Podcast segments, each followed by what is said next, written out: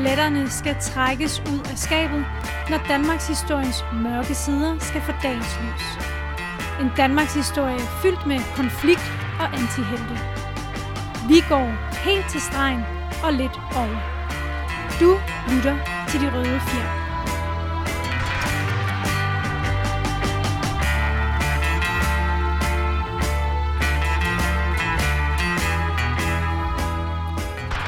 Goddag og velkommen til De Røde Fjer med mig, Andreas Nørgaard og Kalle Kølmand. Vi skal til vores femte afsnit her Ja. i serien om rivalerne. Søslaget om dansk skibsfart. Yes. Og øh, Faktisk også vores finale afsnit på Ja. ja. vores nuværende serie, Rivalerne. ja, det er, det er finaleafsnittet. Mm. Øhm, og øh, det bliver et øh, dramatisk afsnit. Ja. Øh, et, øh, noget, et, øh, noget et slag, Ja. vi skal kaste os ud. Fight to the finish, eller hvad man siger. Men, ja. øh, men før vi går til, øh, til løjerne, ja. Så tager vi lige en hurtig op, øh, hvad hedder det, um, recap af, hvad der skete sidst. Yes. Og i det sidste afsnit, Værnemager nummer 1, der gik vi jo igennem den her periode øh, under besættelsen, hvor at de to selskaber, Mærsk og J. Lauritsen, de stillede sig på hver sin side af den her konflikt. Og hvor at... Øh, Ja, J- altså i konflikten mellem øh, Nazi-Tyskland og alle andre, ikke? og alle andre, ja. ja, ja, ja. Og hvor et, øh, hvor et gamle Mærsk jo blandt andet havde, øh, havde, øh, hvad kan man sige, havde store, mange tætte forbindelser med det her riffelsyndikat, øh, Ja. som der jo solgte masse våben til, til tyskerne, og havde blandt andet været med til at lave samarbejdsregeringen og det ene og det andet. Øh, så han endte også med at skulle betale den her store bøde, efter øh, krigen var forbi, og blev ligesom stemplet som værnemager nummer et. Yes. Øh, og hans politiske stjerne, den ligesom led et enormt Mærsk, knæk. Mærsk-navnet trukket igennem sølet, ikke? Yes. Associeret med det værste. Ja. Altså de værste opportunister, de, de grådigste pengemænd. Under. Nazi-sympatisører ja, og ja, det ja, ene og det andet. altså ja. under besættelsen, ikke? Ja. Og på den anden side, der har vi så J. Lauritsen jo, ja. Som der jo stillede sig på historiens rigtige side. Ja, Hvor at øh, du jo blandt andet havde Kirsten øh, Lauritsen, øh, altså der var øh, ja, øh, gift med, med Knud Lauritsen, som der kørte selskabet på det tidspunkt. Og hun var jo blandt andet ude og kritisere... Øh, åbenlyst. Åbenlyst, ja. I direkte konfrontation, Lige præcis. konfrontation ikke? øh, og kritisere nazisterne og det ene og det andet. Øh, så bare ligesom, det var tydeligt, hvilken, hvilken side de stod på. Ja. Øh, og var også, hvis ikke jeg husker galt, at de faktisk også hjalp modstandsbevægelsen, blandt andet med at smule øh, jøder over til Sverige, Ja. og også gemte modstandsfolk og ting og sager. Yes. Øh, så på den måde, så var, øh, var det to meget forskellige sider af historien, de stillede sig på, de her to selskaber og to konkurrenter. Ja. Øhm, og samtidig så havde J. Lauritsen i al hemmelighed under besættelsen også opkøbt aktier i øh, det konkurrerende selskab DFDS, Ja. som var øh, Tigtens gamle Ja. øh, selskab. Ja, og det, det, det var der, vi sluttede sidst. Ja, jamen øh, ved du hvad, jamen skal vi så ikke bare spr- springe ind i en hæsblæsende finale? Lad os gøre det. Fordi Andreas, nu kommer vi faktisk helt tilbage fra, da vi startede serien. Kan du huske det i aller, aller første afsnit, at jeg læste det her op af Ole Lauritsen? Ja, Det der med, hvor han sagde, du ved, 14 milliarder tabt, familiearven fuldstændig ruineret. Mm-hmm. Fordi det er det, dagens afsnit kommer til at handle om. Det handler faktisk om, hvordan at J. Lauritsen når op og faktisk er lige ved at vælte Mærsk af pinden omkring år 1960 til at de fuldstændig, ja ikke kollapser, selskabet findes jo stadigvæk den i dag, men du ved, bliver en skygge af sig selv, mm. og en dværg i forhold til Mærsk, som derfra i løbet af 80'erne især, tager fuldstændig fart og bliver den her, hvad skal vi kalde det, dødstjernen i dansk, i dansk erhvervsliv. Ikke? Altså det er, øh, og har den der magtfulde position, som de har den dag i dag. Mm.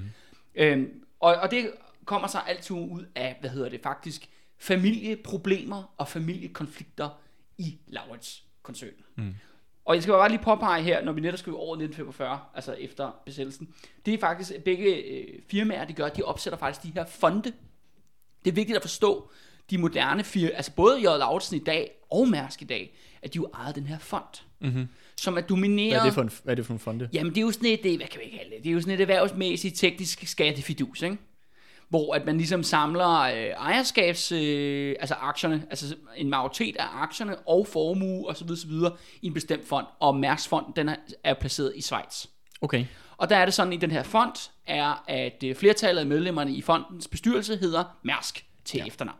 Men der er også en række andre personer med i den her fond, og det skifter lidt i, i med tiden. Og det er sådan lidt interessant, det er øh, meget tæt betroede direktører internt i koncernen, altså folk, der ligesom er blevet om mm, sige, optaget, rekrutteret, ja. ja. er rekrutteret til, øh, til, til firmaet eller til fondens øverste øverste cirkler, eller det kan for eksempel også være svigersønner, for eksempel. Mm.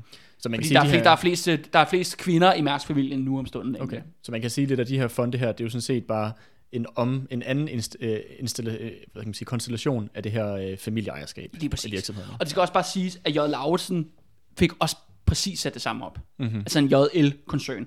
Og, øh, og de kommer begge to ud i 1945, og det er jo også fordi, at det er her efter krigen, at den her form for firmastruktur øh, ligesom bliver sat op. Ikke? Det er der, det begyndt at blive rigtig populært. Og det er bare vigtigt at holde sig mindst, når vi går fremadrettet. Mm. Fordi når vi selv skal til at tale om J. Lauritsen, fordi der handler det om magten og kampen om fonden. Okay.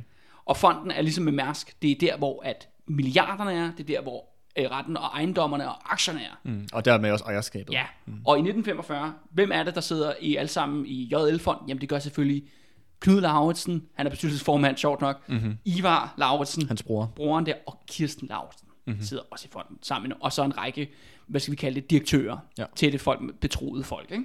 Yes. Øh, Og det, er jo også, he- og det er jo også her efter krigen jo, at både kan man sige, at gamle Mærsk er jo ved at komme ret meget op i årene, ikke? Ja. Og samtidig kan man sige, ja, Knud og Ivar bliver heller ikke yngre, og de her fonde, de er jo netop sat op i relation til netop, hvem skal arve? Ikke? Hvem, skal have, hvem skal testamenteres magten over de her virksomheder? Det er det, egentlig fonden egentlig handler om. Ikke? Og hvordan beholder man ejerskabet over sådan nogle øh, internationale aktievirksomheder mm. øh, på familiens hænder? Det er derfor, man laver fonde. Det er det, Ja. det egentlig handler om. Ikke? Ja, man kan sige, der er også sket et skridt her så, i forhold til de, de sidste par generationer. Der var det jo den der klassiske familieejerskab. At, Ja. ja. Så var det, øh, jeg kan ikke engang huske, hvad det er, de hedder, de her øh, Hans, Olof, Arnold, Peter, Møller. Ja, ja, ja, ja. Hele- de- hele banden, ikke? Hele Ja. banden, helt tilbage til... øh, til øh, Ja, til slutningen af 1800-tallet. Ja, ikke? præcis. Hvor det var, så gik det af til sønnen, og det ene og det andet. Ja. Hvor det virker til, at nu er vi ligesom kommet op i moderne konstellation af virksomheder, Ja. som også har den der internationale, store, store skala karakter. Ja, ja, ja. Men du, ved, du kan jo ligesom se de der bestyrelser, det er jo ligesom, skal vi kalde det, et familiestorråd. Ja, ja. altså bare med, med fancy titler, ikke? Ja, Eller du ved, og så ja. bare placeret i Schweiz, fordi der skal det lysfordele dernede, Ja, ja, ikke? Altså det er basalt set det der. Øhm, men øh, nu har vi jo så snakket, især i sidste afsnit, og du nævnte jo også her lige i, øh, i recapet, øh, Andreas, jo. det er jo netop det her med Kirsten Lausen. Mm. Som vi må sige, som vi har snakket ja, indgående om, og som virker som en, øh, en hårdslående dame med sine egne stærke holdninger, øh, både til når det kommer til politiske ting, men også især til, hvordan hun opdrager sine egne børn, for eksempel. Mm. Øh, Men også en, en, en person med mange sider. ja, det må man sige. Som vi har sagt, det der med det der, jeg synes, at det er utroligt, at hun, det virker som om, hun har nogle sympatiske politiske holdninger, når det kommer til for eksempel besættelsen, Ja. men en meget usympatisk holdning i forhold til, hvordan man skal, hvad for et forhold man skal have med sine børn. Ja. Altså sådan, at det er også det, hun, hun virker også som en meget splittet person på den måde. Og det synes jeg, der er mange af de karakterer, vi har med, Ja, ja, ja. det her, som er meget, de er ikke særlig ensidige på den måde. Du lytter til De Røde Fjer. Og ved du hvad, apropos, øh, du ved, øh, splittede ting, og hvor, hvor man så må sige, hvordan man behandler sin familie, og hvordan man behandler andre, så øh, i omkring 1953, mm-hmm. der kaster Kirsten sig ud i et kupforsøg på JL-fonden. Nå, Bum. det der sådan set sker er, at øh, Kirsten og Knuds ægteskab, de har stået begyndt at slå knager. Øh, de er simpelthen blevet, kan man sige, blevet trætte af hinanden. Øhm, og efter sine er grunden til, at Knud er blevet grund, øh, træt af Kirsten, det er jo netop, at øh, hun er, har nogle lidt sindssyge øh, forhold, eller idéer omkring familieforhold. Hvor Knud han er mere sådan, du ved, ej, jeg vil også bare gerne hjem og, du ved, få eftermiddagskaffe og bruge tors og kartofler, ikke? ja, ja. du ved, som, øh, som nu mænd er i 50'erne, kan man sige. Ja. Ikke? Altså, hvor der er lidt for meget alt muligt øh, Heiss med hende der Kirsten. Men det er jo sådan, hun har jo en magtfuld position i bestyrelsen. Mm. Der er også en anden ting, der er grineren, Andreas, hvis du kan huske helt tilbage, det der med, at jeg sagde, at konsulen var imod ægteskabet. Mm. Mellem Kirsten og ja Knud. han tog til, Han tog Storbritannien, til London, Storbritannien for ja, at prøve at for forhindre, at forhindre det i 1927, ja. altså mange år tidligere. Ja. Og der er åbenbart, at nu er det sådan, at den her, skal vi kalde det, konsulens mistanke, eller du ved, øh, skepsis mod mm. Kirsten Lausen, den lige pludselig får kommer, gå. kommer til rette. Ja, og det er hun sådan set, ja, hun vil skilles, og så vil hun faktisk have, du ved, i hvert fald, ja, som man har ret til i gennem ægteskab, halvdelen af fondens formue. Okay. Og det vil hun bruge til velgørenhed. Nå. Til sit politiske projekt. Det er det, hun erklærer, hun er missionen. Men hun siger bare sådan noget, du ved, øh, nu kan man sige, de har haft et langt ægteskab jo, Knud Ja, ja, ja. og Kirsten, og har fået 10 børn og sådan noget. De havde- fik mange børn. Og det, ah, okay, 8 børn, tror jeg nok, det er. Men, øh, nej, 6 børn. Yes, det er Er sådan, du det sikker er. på, det er sex? Ja, ja, ja, ja, du hvad, jeg, jeg, jeg kaster bare tal ud. Det er okay, del børn. Det, det er mere end et, bare et par. Nej, ja, det er mere end bare et par, ja. Okay. Øhm, men det relevante er, at, øh, at hun simpelthen kaster sig ud i det her med, at hun vil have øh, altså halvdelen af bestyrelsens formue, og bruge det til velgørenhed. Hvor hun siger bare sådan, jamen Knud har svigtet, øh, har, altså rektorens øh, idealer der, Hartby Møller, mm, hendes fars, far, ja. øh, og, og det her med, kan man sige, øh, kampen for, at vi skal ligesom være kapitalister med et menneske ansigt. Mm. Og du ved, vise det med at gå foran, og foran, og han siger, at du er fokuseret for meget på den her business. Mm. Den klassiske, altså bare køre dit, dit rederi. Og Kirsten prøver faktisk at få Ivar til at gå med på hendes side. Broren. Ja, Ja. så Altså simpelthen, broren, broren til Knud, ja. ja, altså i uh, Knuds øh, storebror, simpelthen slå en kile ind imellem de to. Mm-hmm. For ligesom at lokke ham over på sin side, og det er så, jamen, ved du hvad, Ivar, jamen, så kan du blive bestyrelsesformand. Og der er jo interessant, det er, at der spiller Kirsten jo på en brødredynamik, som øh, jeg synes, der har været svært ligesom at få et rigtig godt indsigt i, i løbet af at beskæftige mig med det her. Men det er også det der kompleks med, at Ivar er jo egentlig storebror, Mm. og Knud er lillebror. ja. Og Ivar har jo fået lidt den der sådan anden... Øh, Anden, anden rangs ja, position, ikke? præcis. Ja. Øh, og, og kan man sige, har haft det i mange år. Men nu spiller Kirsten sådan ligesom op til ham, om at det der med, at du kan få magten over JL-fonden, ja. hvis jeg kan få en anselig formue ud af det her. Mm. Men, det, men hele øh, inden på den historie, den ballade, det gør faktisk, at Ivar vælger ikke at forråde Knud. Mm-hmm. Han holder sig simpelthen så fast med Knud, og så er det sådan, at i de der bestyrelser, der bliver altså, det er noget, man stemmer om faktisk. Øh, hvil- Hvilken vej det ligesom det går. Øh, Og nogle gange er det jo også sådan, at bestyrelsesformanden har to stemmer, for eksempel. Ja, ja. Altså, der kan være alle mulige mærkelige setups, hvordan man ligesom bestemmer, hvordan en beslutning skal tages i en fond. Ja. Men det ender med faktisk, at, øh, at Kirsten bliver nødt til at forlade fonden, Okay. og forlader faktisk også Danmark. Får, får hun så hendes øh, aktieandel, eller hvad man skal kalde Nej, det, sig? hun får slet ikke det antal penge, hun vil have til øh, sit øh, velgørenhedspolitiske projekter. Okay. Men hun får faktisk udbetalt hvert eneste år resten af sit liv penge fra JL-fonden. Okay. Og det hun gør, hun, hun starter simpelthen, hun flytter til øh, Mallorca Okay. i Spanien, ja. og på Franco-diktatur Spanien, Ja, ja. øh, og øh, hvor hun kører sådan et, hvad hedder det, et, øh, et Ja, det var der, de havde der, fik der, så var det appelsiner Ja, fra. ja, lige præcis. Så der er den der connection ligesom fortsætter. Ja. Ja. Og det er også lidt sjovt det der med, at hvor hun jo så er, kan man sige, øh, har været vanvittigt progressiv på mange punkter og sådan nogle ting, men hun flytter faktisk til et fascistisk land ja.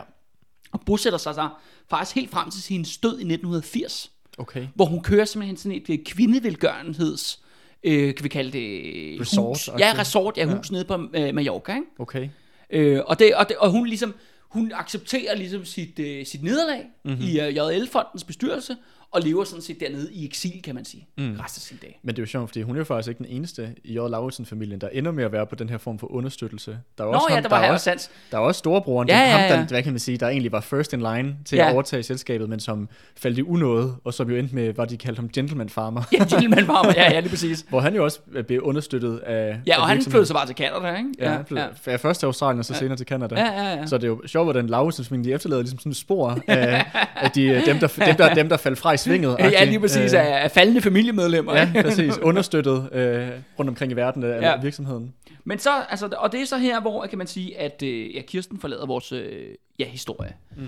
Men den her splid og magtkamp om fonden her, som foregår i 1953, det er ligesom en indikator på, Andreas, hvad der egentlig vil føre til JL-fondens, eller JL Lauritsens fald i forhold til Mærsk.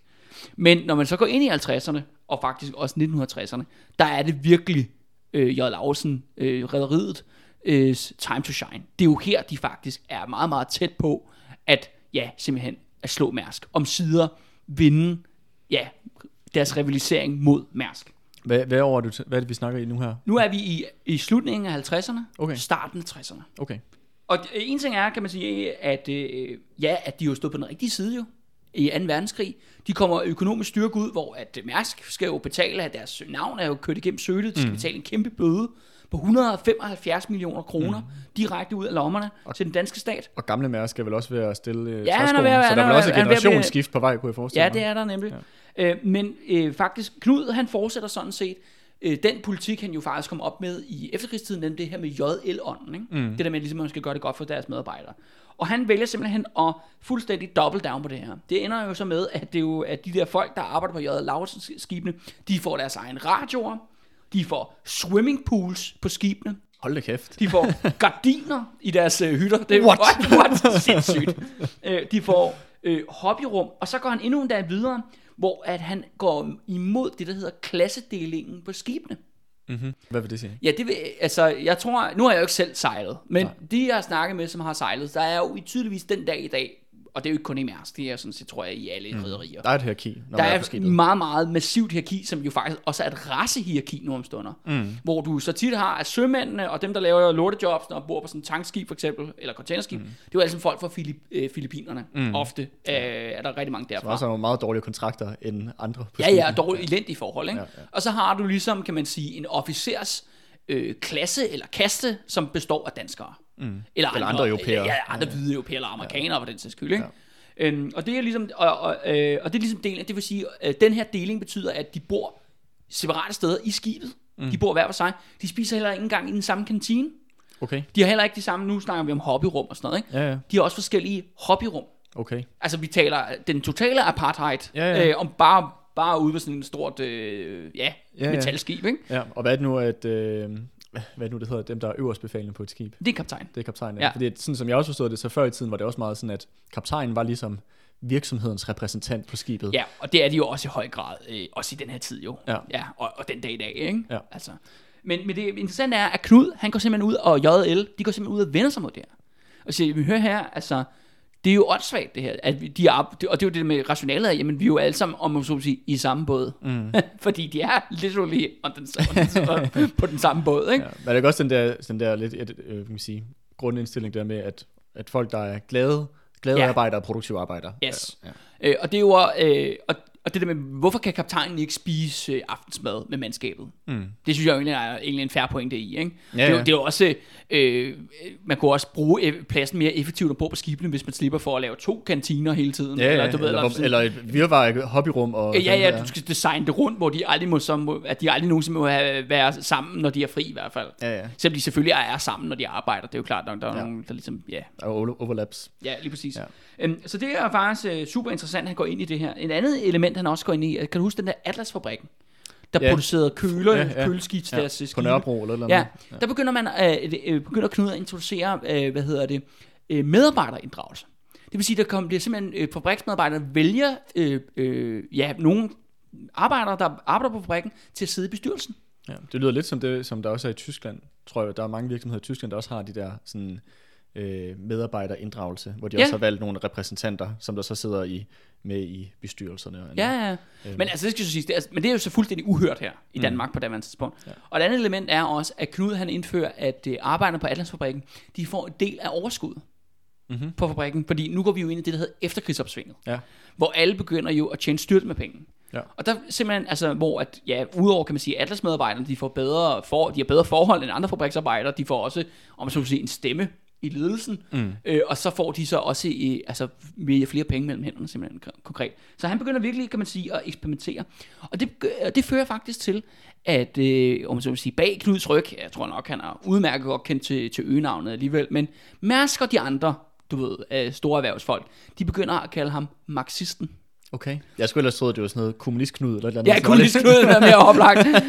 Men de begynder altså at kalde ham øh, marxisten, og det er faktisk øh, mærsker ud i de her, altså i, i 50'erne, du ved, gamle mærsk, ikke? Det er ligesom, okay, han er, han er lige stille på år efter krigen, mm. men så bliver han simpelthen så provokeret af de ting, Knud han har gang i, ikke? Fordi at mærskerne er jo en dyb, dyb foragt mod alle, der arbejder for ham, ikke? Mm. Så han er jo sådan, han begynder at komme ud i en række artikler, hvor han kommer ud og snakker om, du ved, ridder Knud, ikke? hvordan Knud, han, han kalder ham ridder Knud, ikke? hvordan han skal ud og, ligesom, og, og frelse det, det, det, danske arbejderklasse. Ikke? Ja, ja, ja. Øh, Og det kommer til at ruinere hele sektoren. Ikke? Du ved, det er jo sådan den klassiske, klassiske gamle mærsk ja. Ja. retorik. Ikke? Øh, det interessante er faktisk, at, øh, at øh, Knud han prøver faktisk at skrive øh, nogle breve til gamle mærsk. Hvor han sådan prøver ligesom... Private? Eller Ja, ja, jeg ligesom så siger, jamen, åh, du ved, han sådan lidt, øh, jamen, skal vi ikke øh, slå en streg over gammel fjendskab-agtigt og sådan noget, at men der er lukket Okay. fra gamle Mærs side. Og det er også, så du vil se lige om lidt, øh, Knud han har også en fordækt øh, bagtanke med at prøve at indlede den her korrespondence. Jeg vil sige, at vi har jo stadig heller ikke set det her DFDS. Nej, men det kommer i spil lige om lidt. aktieopkøbte- Det eneste, jeg vil lige øh, påpege, inden vi øh, ja, netop går til det, der hedder søslaget om DFDS, der øh, er det, at i 1960, altså i år 1960, der går Mærsk ind i olie i Nordsøen. Ja, og det er jo... Nej, det er ikke dem, der sidder på olie... øh, Hvad hedder det nu? Udvindingen i dag. Jo, det, det gør de det. Er det det? Jamen, det er jo, der er jo så frem og tilbage med, at så skal de, lukke, de er i gang med at lukke nogle felter nu, og det er Ja, også ja, ikke... ja. Altså, olieboomet i Danmark er jo ligesom afsluttet. Mm. Det kan man roligt konstatere. Mm. Og også i 1960'erne, det er ikke fordi, de, altså, det er jo ikke der, det er jo ikke der, boreplatformene kommer op. Mm. Det eneste, de kommer sig til faktisk, det er at begynde at lave undersøgelser. Okay. Men den her aftale kommer simpelthen på, på, på plads i 1960. Øh, og det er bare ret sigende, fordi noget, der virkelig fører Mærsk op i den her nye skala, det er jo netop det her olie. Mm. Det er ikke noget, der er så meget at gøre med deres rivalisering med, med Lauritsen-familien. Ja, det, det er bare lige værd at det, det, nævne, det, at det, boost. ja, det, det, det er lige værd at nævne, at det går de simpelthen ind i, ikke? Ja, men hvad, det, hvad var det nu også for en, øh, en, man sige, en niche, de havde øh, satset på, Mærsk-koncernen? Vi snakkede om, at, øh, at J. Lauritsen blandt andet transporterede frugt og Ja. ting og sager. Hvad var det nu, at Jamen, Mærsk de er jo gået ind i det der med, øh, først var det øh, jo tankskibe, ikke? Mm-hmm. Og her netop efter 2. verdenskrig, der blev de meget mere interesseret i containere. Da de også blev begyndt at blive udviklet. Ikke? Mm-hmm. Og så kommer det her andet element, som netop er det her med olie. Mm. Hvor du kan så se jo, at, at J. Lausen, jamen, de har så sat sig på sådan noget som for eksempel som køleskab, ikke? Ja. som deres, ligesom deres øh, af, kan man sige, den anden industri ved siden af selve kernevirksomheden, som er jo stadigvæk det her med rædderier ikke? Ja, ja. og skibene, ikke? hvor så Mærsk begynder de går ind i det her olie. Og det er jo ikke fordi, at det, lige, altså, det bliver bare en kæmpe øh, formue i 1960, men det bliver det på længere sigt. Mm. Og det er også bare at forstå, øh, hvor Mærsk er henne i dag. Og det kan godt være, selvfølgelig kan man sige, at olieforretningen er jo begyndt at blive sådan langsomt rullet tilbage.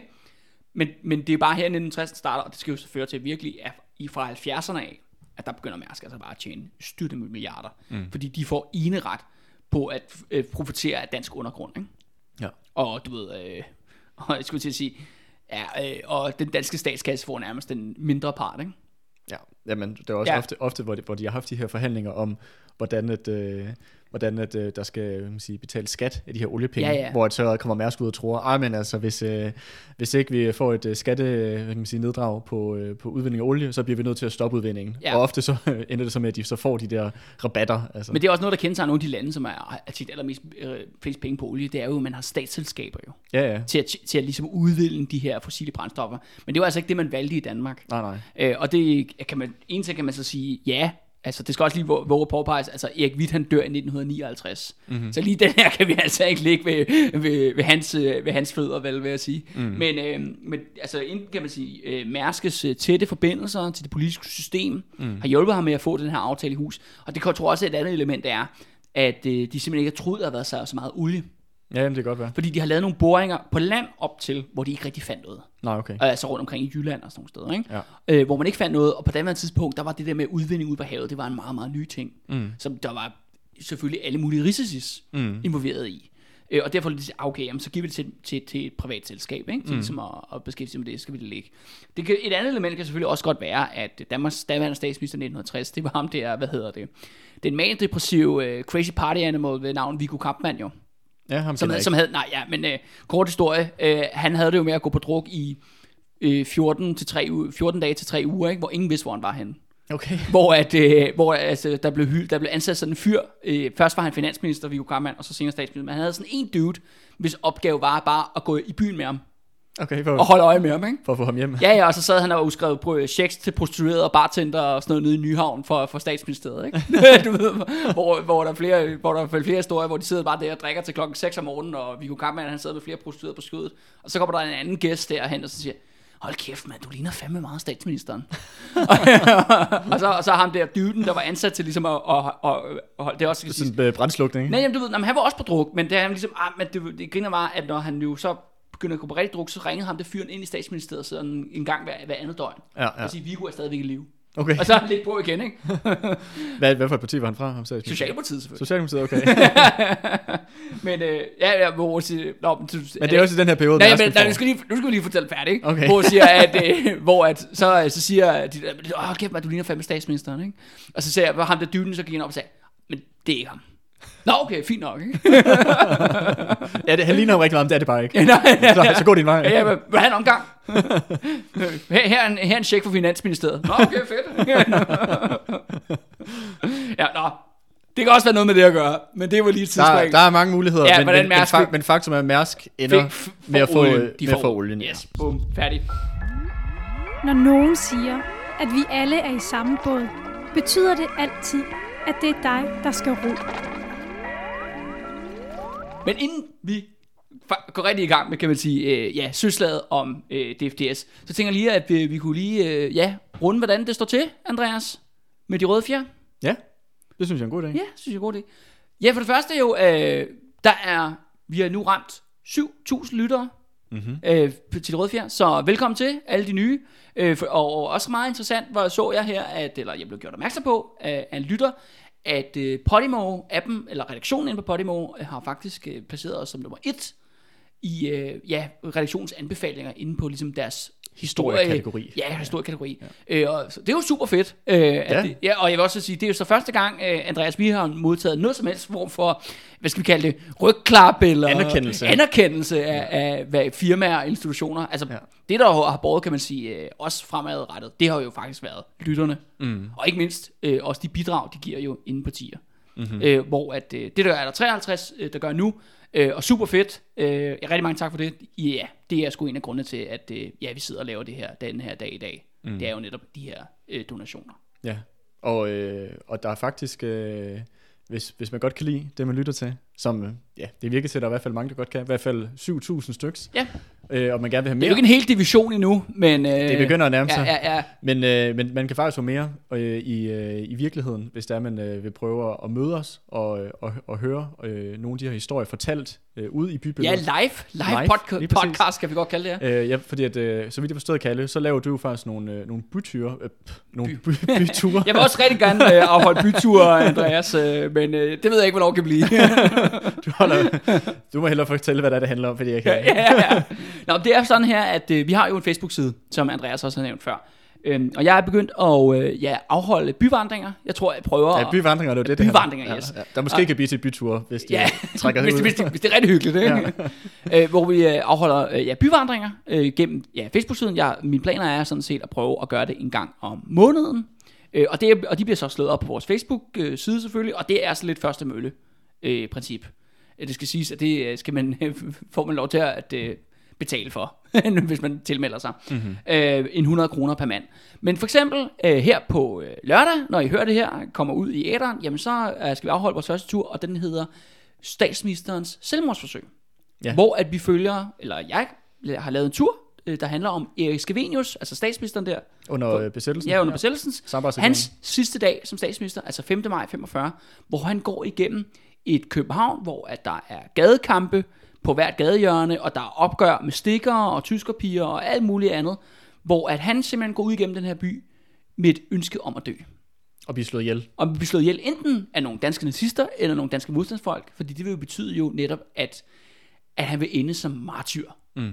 For samarbejdspolitikken. I stedet for den der, hvad kan man sige, øh, Ja, Danmarks scapegoat. Ja, ja, scapegoat, eller måske Danmarks historie mest had for hattemand, kan man mm. jo, han også blevet kaldt. Ja. Øh, så jeg vil ikke afsløre, hvordan det ender, men øh, det kan man for eksempel, det er sådan nogle ting, øh, vi øh, ja, udbyder igennem vores øh, Facebook-side. Mm. Så hvis ikke man allerede har liket Facebook-siden De Røde Fjern, så kan man gå ind og like dem, og så vil de her, de her begivenheder, de vil også poppe op løbende, Yes. så man kan melde sig til. Ja, Ja. super. Men Andreas, nu må vi hellere komme til det. Vi, øh, ja, grund til, at vi, vi optager i dag jo, øh, ja, netop søslaget om DFDS. Mm-hmm. Så for det første lige, kan man sige, en lille øh, recap her. Ikke? Øh, DFDS er jo lavet af Titgen, mm. så vi har Det omtalt er jo før. det der dampskibs... Ja, det er forenede, Dan- Danmarks forenede dampsels, dampskibsselskab. Yes. Bum. Øh, og det er sådan her, at hvis du kan huske i aller, aller første episode jo, det var jo det der med, at konsulen blev jo ydmyget af Titgen. Ja. Og at J. Lauritsen jo egentlig, hvor øh, øh, firmaet blev født i, om så må sige, i skyggen og i konkurrence med Titgens DFDS. Mm. Og den her ydmygelse, Titgens ydmygelse af firmaet og J. Lauritsen, det var jo noget, som konstant er jo en historie, Knud og Ivar har fået fortalt igen og igen, mm. da de voksede op.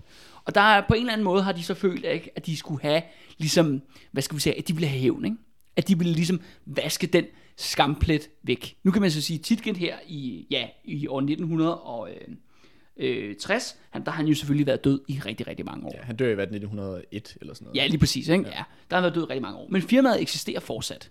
Og er jo i høj grad et firma, som er, kan man sige, hans ånd lever så også videre. Men det betyder også, at det her firma er øh, blevet meget, kan man kalde det, øh, gammeldags. Mm. Der sidder nu en bestyrelse, øh, en flok gamle mænd, der har siddet der, de samme mennesker, der har siddet der siden 1921. Ja. Vi taler altså en fucking mumieforsamling. ind i den der, den der DFDS-bestyrelse. Et andet element, som også er ret interessant, er, at DFDS, fordi det er jo en af de ældste rædderier, på grund af, ja, titlen har lavet det, så er det der med aktiespredningen, at det er ligesom blevet, kan man sige, en DFDS-aktie er nærmest blevet sådan dansk folkeeje. Det vil sige, der er rigtig mange, det der bliver beskrevet som i her i 60'erne, det er sådan, der er rigtig mange gamle damer rundt omkring, som har nogle et par DFDS-aktier mm-hmm. i skuffen, ikke? eller to. Ikke? Sådan, mm. Du ved, nærmest alle danske pensionister for en bestemt årgang, de var ligesom noget, de bare havde. Ikke? Ja. Øh, jeg skulle sige, ja, jeg ved ikke, ligesom de der skide øh, porcelænstallerkener, nogensinde set de ja, små blå, du ved sådan noget, jo, det, var, jo. det var sådan noget, de, ligesom de alle sammen havde, ikke? de havde ja. en, nogle aktier i DFDS, ikke særlig mange øh, per person. Men det fører så til jo, at under krigen, hvor at Knud og Ivar, de er sådan lidt, okay, at der er lidt modstandskamp og sådan noget, men ellers øh, så går de rundt og lidt og keder sig lidt, ikke? Og der begynder de så at sætte sig op i den her langtidsplan om, at, at Leon Lausen skal overtage DFDS. Mm. Det der simpelthen hedder et hostile takeover. Mm-hmm. På, på ja, international business øh, sprog. Ja. Og det er altså en operation, der er mange år in the making. For så først faktisk kulminere omkring øh, 1964. Okay. Fordi der begynder nyheden at sive ud om, at DFDS er i gang med, der er en eller anden fjendtlig, ukendt virksomhed, der er i gang med at købe alle aktierne. Det interessante var faktisk, at det her rygte begyndte allerede at gå under krigen. Ja. For de begynder at købe aktier jo i 1942. Og der var der så siger, okay, der er nogen, der er gang med, der er nogle ukendte personer, der er gang med at købe alle de der aktier op for de der små folk, som er spredt ud i hele Danmark. Og der var nogen, der spekulerede over under krigen, siger, er det tyskerne, der gør det? Du ved, er det, er det nazister, eller er det den tyske regering, eller hvem er det?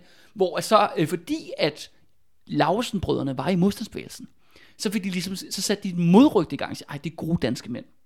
Der er ingen, okay. grund til, der er ingen grund til at flippe ud. Og så døde historien. Nå.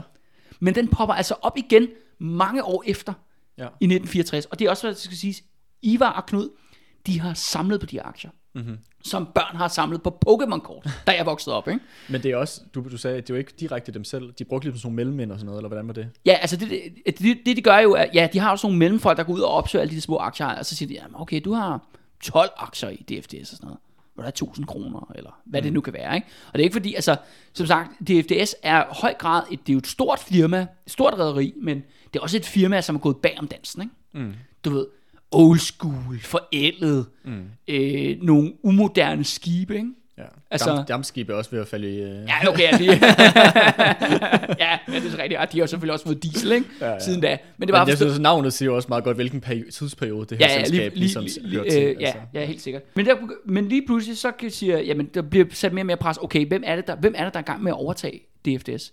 Og til sidst så kommer det selvfølgelig ud, at jamen, det viser så kommer Knud og siger, jamen det er os. Mm. Det os. Og, og vi gør det jo, fordi at øh, vi ønsker jo, at øh, et hedderkron dansk firma skal være i sikre hænder. Og så siger jeg bare sådan, vi, selv, vi køber bare aktier, fordi vi gerne vil støtte op om det. Vi, vi ønsker ikke at gøre noget ved det. Okay.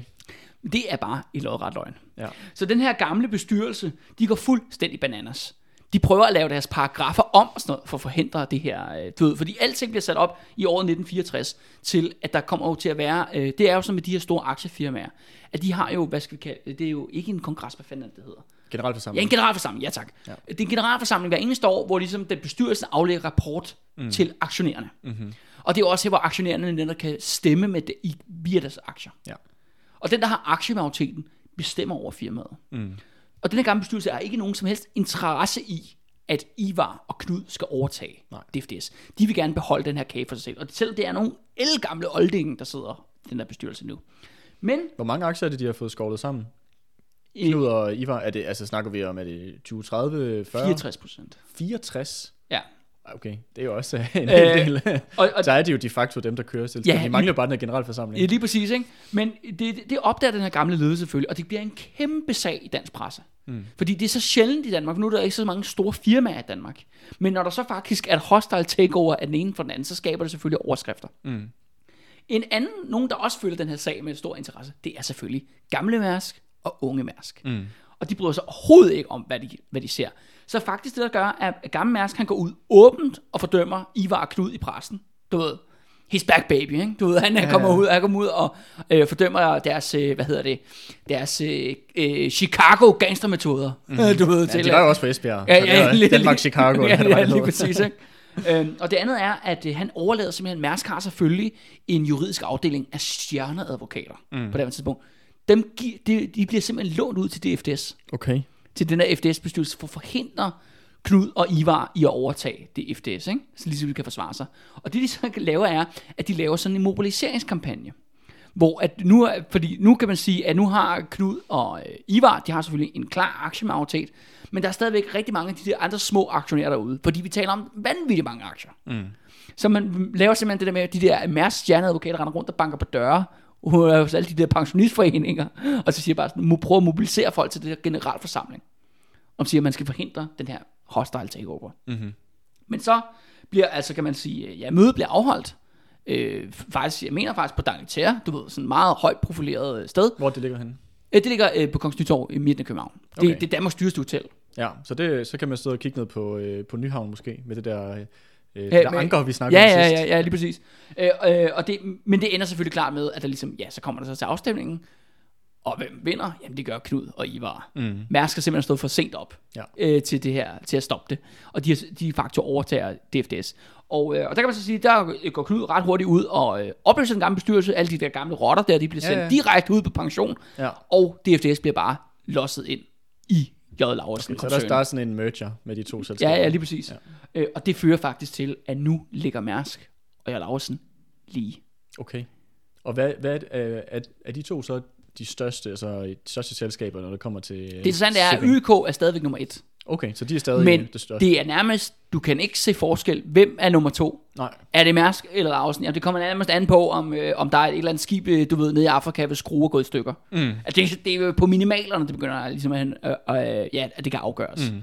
Altså nu kan man sige, det er her, rivaliseringen virkelig når sit højdepunkt. Ja. Og det er her, hvor faktisk, at J. Lausen, altså kan man sige, nu startede J. Lausen jo stærkere, ja, tilbage, tilbage der omkring 1. verdenskrig.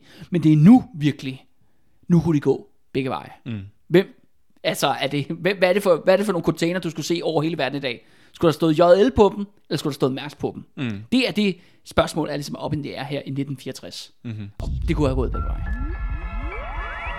Under tiden kræver det lidt humbug at få folk til at tro på selv de bedste ting. Det interessante er så, eller kan man sige, hvis vi går lidt videre, at i 1965, der dør gamle Mærsk.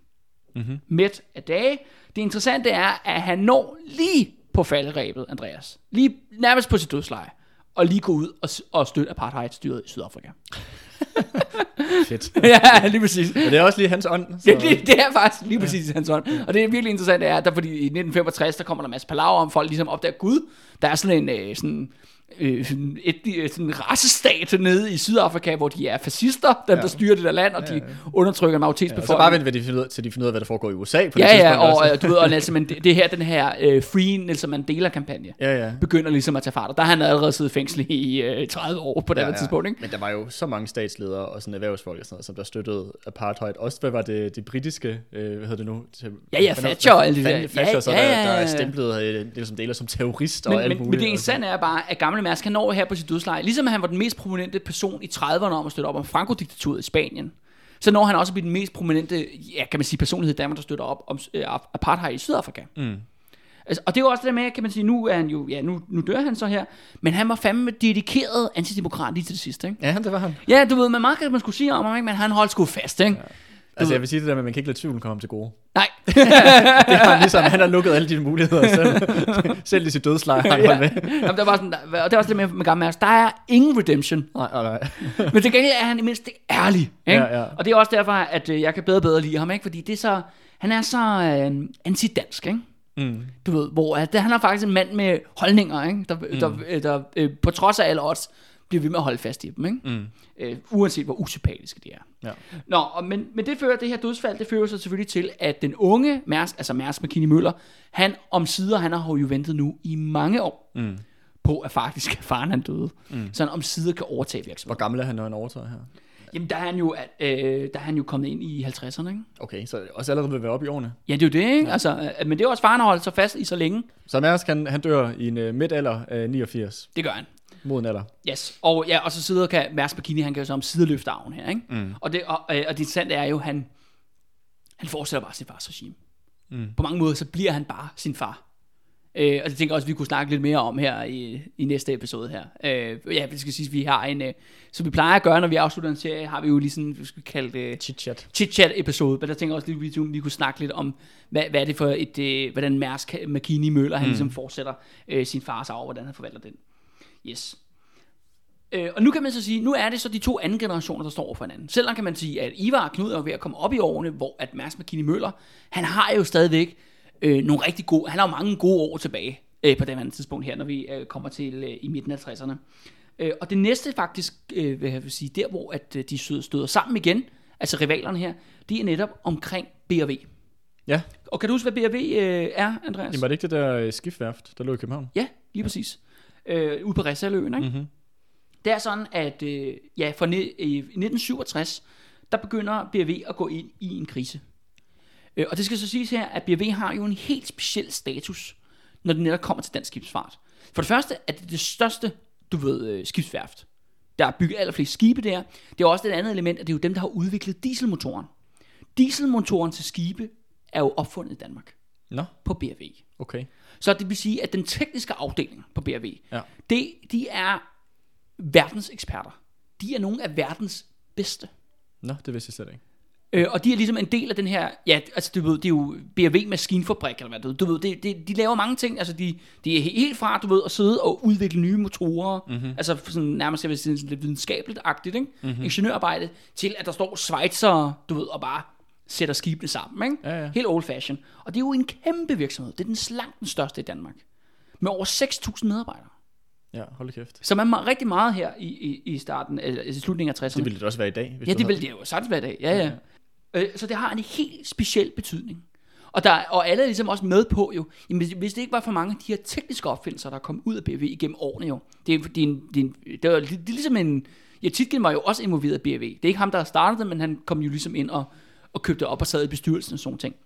Så det har en lang historie øh, øh, tilbage.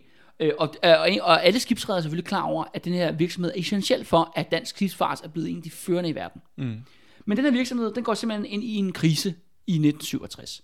Øh, og det gør den ja på baggrund af flere ting. Og det er øh, på primært er, at der er kommet meget mere øh, konkurrence fra udlandet. Ja. Der er lige pludselig øh, steder som Japan og Sydkorea, hvor at skibene kan blive bygget meget, meget billigere. Øh, så ligesom, øh, og du ved, at skib, om så sige, skibene er for dyre i Danmark. Øh, men, øh, men der øh, i den her situation, hvor at det ja, går i krise, der går Knud ud i faktisk i offentligheden. Altså han gør det jo både sådan privat, men også i offentligheden. Og så spørger han Mærsk McKinney Møller, skal vi ikke indgå et samarbejde om at redde BRV? Om at vi to, altså de to største rederier i Danmark, ja og så plus ØK, at vi kan komme ind ligesom, og øh, vi laver en, et, vi køber det, og så laver vi en form for ejerskab, hvor den ene side kan ikke fuck med den anden side. Mm-hmm. Forstår du, hvad jeg mener? Del, Simpelthen- og del ejerskab. del, del af lejerskab. Og det gør vi af, øh, vi gør det for at redde BRV, altså den tekniske øh, ekspertise, men vi gør det også som et fædrelandsprojekt. Sådan et patriotisk projekt. Patriotisk projekt. Øh, danske arbejdspladser i Danmark. Mm. I, den, I den dur, ikke? Mm. Men der er Mads McKinney Møller, du ved, samarbejde, du ved, burn in hell. Og det fører faktisk... Det er så unge mærsk, vi snakker Det er unge Mærsk, og det fører faktisk i, øh, i om så sige, lidt af omvej, eller lidt, lidt længere historie, men det er faktisk grunden til, at BRV ikke eksisterer den dag i dag. Og så på trods af alt Mærsks ordgøjl om patriotisme og nationalisme og Dannebro Og kongehus. og kongehus, så er Mærsk den primære årsag til, at der ikke er den her øh, skibsfartsekspertise i Danmark mere.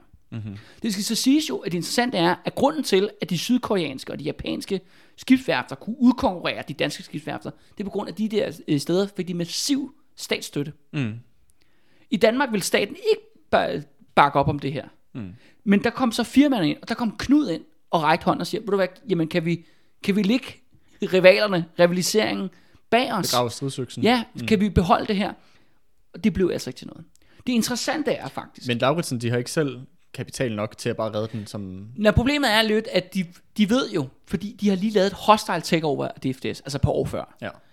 Altså, de siger, men nu, de kan ikke, hvis de ikke prøver at gå ud og overtage BRV, det kunne de sagtens i den her periode. Men problemet er bare, at så vil Mærsk jo højst sandsynligt smadre det for dem. Fordi nu er de forberedt. Mm. Fordi på den måde Mærsk reagerede, og det Mærsk McKinney Møller er jo ligesom sin far. Mm. Han hader sgu også Laursen-brødrene, tror jeg. Eller i hvert fald er, føler stor uvilje mod dem, eller hvad skal vi kalde det, ikke? Ja. Han har jo arvet den her konflikt for sin, for sin far, ikke? Med den her, den her strid med, med Laursen-klanen. Øh, i, altså de siger, jamen hør, Knud og Ivar er med på, jamen vi kan godt prøve at købe øh, BRV, men det er klart nok, at hvis ØK og Mærsk, de vender sig mod os, og prøver at smadre det der firma, jamen så bliver det bare et kæmpe tab mm. for, for Jørgen Lausen. Også Så det er fordi en stor risiko. Ja, fordi BV er heller ikke en lille mundfuld jo. Nej, nej. 6.000 medarbejdere. Ja. Største arbejdsplads i Danmark. Der er sgu mange elementer i det, ikke? Så J. Lauritsen, de er vel egentlig også bange for, at hvis de overtager det bare som selv... Ja, så bliver de drukne, de vil blive kvalt af BRV, ikke? Ja, ja. Ja, og, og det, ja, det fører så til, at det, det, det bryder sammen. Og det er en, en interessant ting ved det ved BRV er, at der bliver sådan, at Mærsk siger, ej, øh, ej, det mener jeg ikke, det er ikke en god forretning, og bla bla. Der kommer alle mulige ud- undskyldninger til. Men det viser sig faktisk, at, øh, at der, det BRV, øh, ligesom da det går til grunden i 1996, så er der stadig et element af fabrikken, der laver masser af penge, og de gør det stadigvæk den, den dag i dag. Det er det, der hedder Man Diesel. Mm-hmm. Og, og Man Diesel er basalt set det af BRV's tekniske afdeling. Det var dem, der lavede de Det er dem, der udvikler motorerne. Ja. Men hvem ejer Man Diesel i dag? Det gør tyskere. Nå. Så det, Mærsk har lukket endda, skulle jeg sige, uh, folkefjenden ind i, uh, i, dansk, uh, i dansk erhvervsliv, ikke? Fordi at de ikke kunne samarbejde med J. Lauritsen-familien. Så men hvordan fungerer det så? Er det så, fordi der kommer et tysk selskab op og køber resterne af BRV, Ja. eller hvad? Altså, kan man sige, en kort historie fortalt. At ligesom efter det her, den her, øh, øh, hvis vi skal kalde det Knud, bejler til Mærsk, og bejler til BRV, og bejler til offentligheden, i en periode mellem 1967 til 1970. Hvor, men det dør jo, fordi at Mærsk ikke vil være med, og de ved, at hvis de prøver at opkøbe BRV, så vil Mærsk sabotere det. Mm. Så skal de kæmpe med Mærsk hele vejen om at få kontrollen over BRV, og så siger okay, så lader vi det stå. Så det ender med, at en mand, som faktisk ikke har nogen som helst penge til sit navn, en fyr ved navn- Jan Bunde Nielsen, han kan simpelthen overtage BRV. Uden en krone på lommen. Og hvem er han? Jamen, han er sådan en, øh, du ved, han har lavet nogle penge på noget blomster i Tanzania og alt sådan noget gøjl. Okay. Men det hans vigtigste attribut er, det, er det han ligesom kommer med, det er, at han er pisse gode venner med prins Henrik. Nå, De er simpelthen bedste venner. Men problemet er, at han har ikke en krone til sit navn, og han kommer ind og overtager BRV i, øh, i den her periode i 70'erne. Men omkring år 1980, eller ind i 80'erne, der ramler de der korthus, han har sat op. Ja. Han kan sgu ikke, øh, fordi han, han, er, han er jo ikke J. Lauritsen. Nej, nej. Han er ikke Mærsk. nej, nej. Han har ikke de penge. Så Han er ender- bare venner med, med prinsegemalen. Ja, lige- ja, lige præcis. Han er, han, du, om det er sådan noget med, de mødes øh, hver weekend og, går, og render rundt og sejler ude, ude i sådan noget, hvad hedder det, på, øh, på yachts og sådan noget, Okay. ude i Øresund. Ja. Det skal også siges, at hans sønner, eller hans børn, de leger jo med, øh, øh, med kronprins Frederik og sådan noget, der er de børn jo. Nå, Altså, familierne er super tæt, ikke? Ja, ja. Det er det eneste, han har. Ja, ja. Han har en fucking god forbindelse til kongehus, og så tror jeg, så han, og så er han også sådan lidt, han er sådan lidt en con artist, ikke? Han er sådan... En hustler. Han jamen, du ved, han er meget sådan, han er likable. ja, ja. Men han er sådan en hostler, sådan en hostler kommer ind, og bliver simpelthen direktør for Danmarks største virksomhed. Og er det så en 10-årig periode, hvor de ligesom igennem sminkede regnskaber og fifly, mm. half, kan ligesom øh, holde, lige, øh, kan holde dampen kørende, ikke? Ja, ja. Og det interessante er så, at det, det ligesom det kort ud ram, øh, ramler, så øh, fører det faktisk, okay, politiet vil anholde ham. Øh, Der var det, fordi at der er simpelthen det sted svindel med regnskaber og andet. ja, ja, der er forskellige ja. spørgsmål og sådan set. Og det ender med, at han går i eksil. Og Jan Bonde Nielsen lever stadigvæk i eksil den dag i dag. Nå, hvorhen? Men nu som pensionist i, uh, i Stockholm. Okay. Og det interessante er, at nu døde jo prins Henrik for ikke så længe siden. ja. Han afskrev ham aldrig. Nå. Der blev lagt massiv pres på prins Henrik for, at han ligesom skulle være ud og fordømme ham. Ja, Fordi han var involveret i alt det der. Jan Bonde Nielsen var involveret i alt det der fifli haf, ikke? ja, ja. Det ville han aldrig gøre. Nå, sjovt. Så det er apropos en god historie også lige om uh, vores allesammens uh, prinskemal. Ja, ja. Griner. men, øh, men hvor kommer det her tyske selskab ind i billedet, som der opkøber resterne? Jamen, altså, det, der, der er ligesom, fordi, okay, Jan Bonde Nielsen stikker af, alle sådan, okay, BRV skal lukke, og så lukker man så gradvist del af, af fabrikken, og det er jo faktisk derfor, vi har snakket om det der med, at der står den her kæmpe hal, mm. i dag, hvor det mest øh, kendte for det, er det jo det her, hvor den her heavy metal koncert, Copenhagen, mm. de foregår lige ved den der kæmpe bygning. Ja. Men man dieseldelen af forretningen, altså det er ligesom en afdeling, kan man sige, i ja, den her... det var den tekniske kæmpe, afdeling. Ja, den tekniske, i det her kæmpe BRV-koncern. Den opkøber et tysk firma, der hedder Man Diesel. Nå, okay. Og det er også derfor, det hedder Man Diesel dag. Men det, er- det er teknisk set bare BRV's.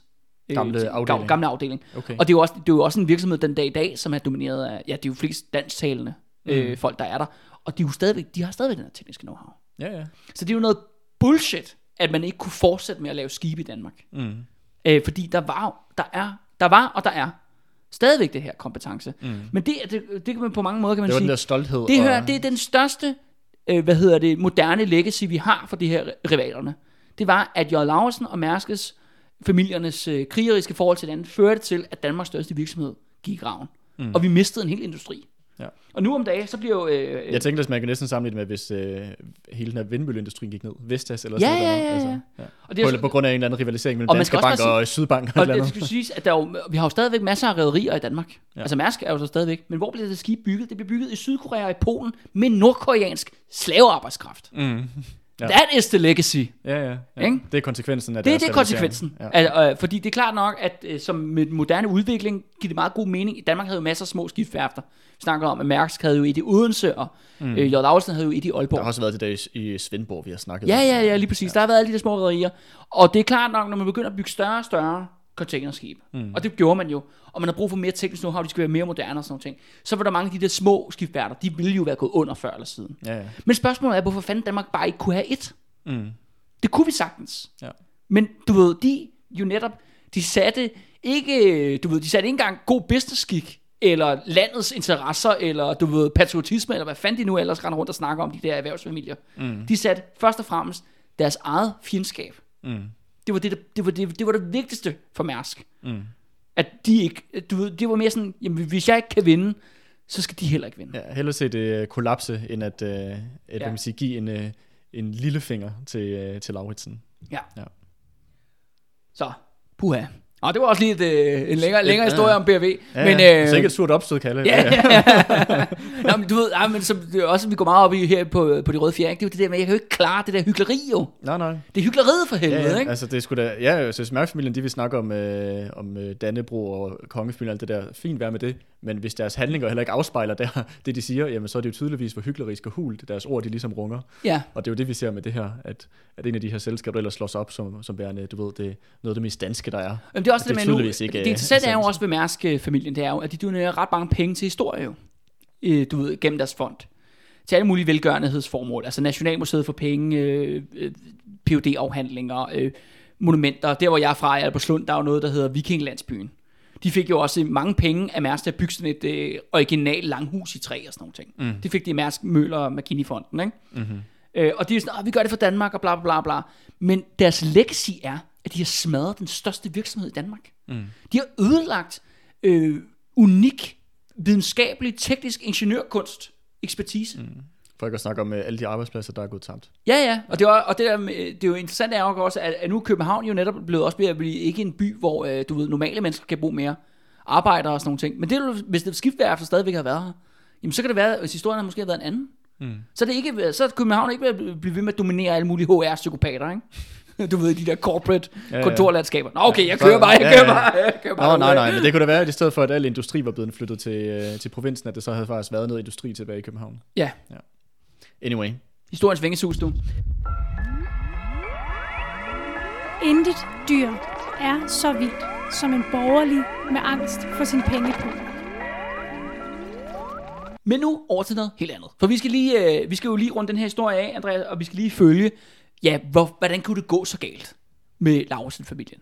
Ja, det er jo ikke rødt. Ja, og som, øh, apropos, som jeg startede, vi startede allerførste episode med, ligesom, at, hvor at Ole, altså søn af Knud, jo ligesom kom ud med den her anklage, at jeg blev svigtet af, af mine nærmeste. Mm. Hvordan kunne det gå så galt?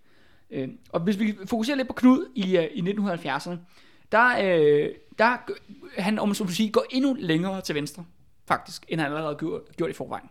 I 1970'erne, der starter der en, en samfundsmæssig debat om noget, der hedder ØD, Og hvad står det for? økonomisk demokrati. Okay. Og økonomisk demokrati er sådan kort fortalt, altså det kan lyde øh, fuldstændig sindssygt i moderne kontekst, men dengang der havde øh, Socialdemokratiet faktisk et ideologisk program. Ja. De så jo sig selv som en form for socialister. De så jo sig selv som, du ved, reformister. Mm. Og kan du forklare lytterne, hvad en reformist øh, er, Andreas? Ja, jamen altså, reformisme er basalt set, at du mener, at du kan reformere kapitalismen til at blive bedre, og jeg vil sige, hvis du går langt nok tilbage, så mente de jeg vil sige, mere ærlige reformister, at du mm. faktisk endda kunne reformere kapitalismen så meget igennem parlamentariske tiltag, velfærdsreformer og andet, at du rent faktisk kunne på den måde bygge socialisme inden for kapitalismens rammer, Ja. basalt set. Og det er faktisk det, øh, Socialdemokratiet prøver at udlede nu, øh, og fagbevægelsen, mm. øh, er ligesom de drivende kræfter. Ideen med ØD, det er sådan set, at, øh, at medarbejderne, de skal ligesom begynde at sætte nogle penge af på deres løn ind til en fond, så så skal begynde at købe aktier i de virksomheder, de arbejder i. Så det ender til sidst med, at, øh, at arbejderne sådan set har kontrol med virksomhederne. I, Okay. Ja, altså sådan, men, men, men det skal så siges, det er jo stadigvæk på i en, i en kapitalistisk verdensøkonomi. Ja, ja. Bortset fra, ejerskabsforhold bliver lavet anderledes. Ja. Men det interessante er, at hele det her ØD-projekt, der bliver sat op, det er, det er dannet som, at hvem skal bestemme over alle de her penge i den her fond? Fordi det er normalt folk, der er medlem af fagforeningerne, det er med folk, der er medlem af Det lyder lidt som, det Socialdemokratiet. lyder de lidt skal som, det er sætte, sådan noget kooperativer, de opsætter. Ja. ja. de skal sætte, altså det er folk, der er medlem af fagforeningen, de skal sætte penge af hver måned til den her fond. Mm. Men hvem styrer den fond? Jamen det gør jo fagforeningstoppen. Mm. FH, ikke? du ved, pamperne, ikke? Mm-hmm. Øh, og det interessante er, at øh, jeg har fået den her historie fra min egen far, som jo kom ud som øh, maler, faktisk der i 70'erne, hvor at, øh, som 16-årig, og, og så skulle han så sætte penge af hver måned til den der ØD-fond. Mm-hmm. Og som han sagde til mig, han var sådan noget, det var bare penge direkte ned i pampernes lommer. Ja. Øh, og det skal også, også siges, at alle de her penge jo, de blev aldrig realiseret jo. ØD-projektet stod fejl jo. Det blev jo aldrig opkøbt nogle virksomheder. Eller der blev aldrig indført ø- økonomisk demokrati. Bortset fra en fabrik. Netop Atlas. Hmm. Og det er netop her Knud, han kom ind i. Knud, han skrev en, en pamflet om det her emne. Nå, Altså, Knud, han gik fuld ind på den her, hvad hedder det? økonomisk øh, demokrati. Men han havde så lige en ting. Han, var, han synes jo netop ikke, at det økonomiske demokrati, han mente, det var det naturlige næste skridt, men han mente ikke, at hvorfor skulle alt magten og alle de her penge og, sådan noget, og ejerskab overlades til de her fagforeningstoppen mm. og toppen af Socialdemokratiet. Det var han meget skeptisk overfor. Han, har med, han synes jo mere, at ejerskabet skulle ligge blandt arbejderne på den individuelle virksomhed. Mm-hmm. Du ved, så de ikke skulle svare til, øh, du ved, en eller anden topbyråkrat i FH. Ja. Det var ligesom hans, hans version af det. Og han gik jo faktisk op og ligesom udledede det faktisk på Atlasfabrikken. Okay, så, så, så hvad, hvad, hvad var konsekvenser på Atlas? At dem, der arbejdede der, at de, øh, de de fik- fik, igennem de- ejer, De fik, ejerskab over aktierne de, fik, de øh, fik kontrol flere, over flere, flere aktier. Okay. Men det er jo så det her, og det var så også en af hovedårsagerne til, at økonomisk demokrati ligesom blev øh, lagt i skuffen, og, du ved, det er, jo- og det kan man sige, det var så også sidste gang, at Socialdemokratiet havde et ideologisk projekt, der faktisk handlede om en eller anden form for socialisme. Mm. Fordi senere hen, da Svend Augen og Poul Nyrup og Mogens Lykketoft kom til, så dræbte de jo alt det, der, hed ideologi Ja, ja. i, i internt i fagbevægelsen og partiet. Ikke? Men du ved, det her, det er Anker Jørgensen-regeringerne. Så det er ligesom det sidste gang, det Ja. ligesom, der kommer noget op. Ikke? Øh, Men grund til, at det hele tiden led nederlag, det er jo, fordi der kommer jo krise i 1973. Mm-hmm. Det er oliekrisen, Ja, og, selvfø- og selvfølgelig taber Atlasfabrikken jo også penge Ja, ja. på baggrund af det her. Og så bliver, og det er sjovt nok, når det går knaldhamrende godt, jamen så, du ved, og det var jo virkelig en gaveregn uden lige der øh, efterkrigs, øh, efterkrigsopsvinget. Men det ender jo, og i 70'erne går ja, verdensøkonomien ind i en, en, en økonomisk krise, og det, og det fører til, at det her ØD-projekt, det bliver simpelthen, det Så bliver, det er skrottet. det bliver skrottet, ikke? Øh, men det interessante er faktisk, at øh, Knud han fortsætter sådan set med sit øh, flirten med venstrefløjen, eller hvad skal vi kalde det. Han er jo marxisten jo i, øh, i, dansk Han er gået fra at være skiberen til marxisten. og det er jo en anden ting, der også fylder rigtig meget i 70'erne. Jo. Det er jo det her med fristaden Christiania. Ja. Der er øh, nogle, øh, ja, nogle hippier, der hopper ind over et hegn til en gammel militærkaserne, hvor at der er blevet skudt 46 danske nazister efter 2. verdenskrig, øh, og besætter området og ligesom bygger deres fristaden. Ja. ja. Øh, det interessante er, og det er der så meget palaver om, skal det ryddes, og hvad skal der ske med det her, og det er egentlig ulovligt, det er der, og så videre. Hvor Knud han kommer ud med en håndevending. Han har udbudt flere besøg, sådan nogle vist rundt og sådan noget, ikke? og siger bare, ved du hvad, jeg vil købe Christiania for 30 millioner, og give det til hippierne. Og det, øh, og det, øh, og det vil vi helt vildt gerne og sådan nogle ting, men det strander, fordi at det vil regeringen ikke gå med til. Okay. Fordi det, det, er, jo, det, det er jo dem, der ejer området, tingene set. Ja, ja. Det, er jo, det er jo sådan et gammelt militært område, ikke? Ja, og den dag i dag er det jo stadig, så vidt jeg ved, lidt omdiskuteret, hvem fanden der Ja, hvem er det. egentlig, der ejer at det ikke? Nu er det mere, man nærmest har accepteret, at, det, at de sker der, ikke? Ja, ja. Men altså, kan man sige, apropos øh, ideologiske politiske projekter, der lider døden, så kan man sige, at Christiania er også et øh, klasse eksempel på det, ikke? Ja, det. Øhm, og uden at gå ind for meget af det nu. Vi, vi er virkelig ude med riven i dag, var? Ja, ja, ja. Godt mærke det finale, var? Nu skal alle bruge brændes. ja, lige præcis. ja, Nå, ja. ja, men, ja hvis, hvis man arbejder for Mærsk, øh, så har man nok, så har man nok trykket stop nu. Eller, så har man nok slukket Og hvis vi en dag søger et job i Mærs, tror jeg måske godt, vi får, øh, vi får afslag. Lad os sige det ja. Jeg tror heller ikke, jeg vil se så, så godt ud i sin blåt jakkesæt, for at være ærlig. Det Nå. kan være. Du er oppe i, du er oppe i køkkenet. Nå, ja, ja. Nå, jamen, det, okay, det kan, vi også, det kan vi også bare tage nu. Jamen hør, grund, en, en, en af grunden til, at vi overhovedet laver den her serie, det er, fordi jeg har både arbejdet for Mærsk og Jørgen Lauritsen jo. Har du også arbejdet for Jørgen Lauritsen? Ja, Nå, Det er det, der faktisk egentlig er, starter med interesse. Det skal så siges, der er ikke... øh, Ja, man kan jo ikke rigtig leve af historie jo, men, øh, men så ved siden af, så øh, har jeg arbejdet som øh, vi, vikarbureauer i køkkener. Mm-hmm. Og det vil sige, at jeg har været i alle større danske virksomheder. Ja. Så det er faktisk egentlig der, min sådan, interesse for emnet egentlig starter. Øh, Og jeg har både været hos J. Lausen, og jeg har været hos Mærsk. Eller jeg har været i forskellige afdelinger af Mærsk, er mere korrekt at sige. Øh, Og det var jo en ting, jeg lagde mærke til, det er, at kulturen derinde, de to steder, er totalt forskellige som nat og dag. Nå, der er stadig den der, Der-. Lauritsen eller hvad? Ja, jeg ved, altså så godt er jeg jo ikke inde i det, som jeg ligesom kan, fordi jeg arbejder jo ikke rigtig for dem. Nej. Jeg kan bare konstatere, at folk var søde og venlige. Mm-hmm. Og der var sådan en øh, hyggelig stemning, du ved, hvor man sådan også skal øh, behandle sit køkkenpersonale ordentligt, Ja. tydeligvis. Hvor jeg så har været i Mærsk, hvor jeg har set øh, psykopater i blå jakkesæt øh, rette rundt med vilde blik i øjnene. Ikke? Mm-hmm. Og så hører man jo alle mulige røverhistorier. For eksempel at inde på Esplanaden, deres hovedkontor jo, ikke? Er det Mærsk Gruppe? Ja, hovedkontoret der. der. I køkkenet jo, der er jo ikke nogen øh, vinduer. Nå, Så man står i sådan en lukket kasse inde i midten af bygningen og står og laver mad derinde. Øh, Det er pisseulovligt, ifølge arbejdsmiljølovgivningen. ja, Men det er der ikke nogen, der gør ved noget ved, fordi det er mærsk. okay. Det er en ting, jeg kan bekræfte. Der har de jo så været...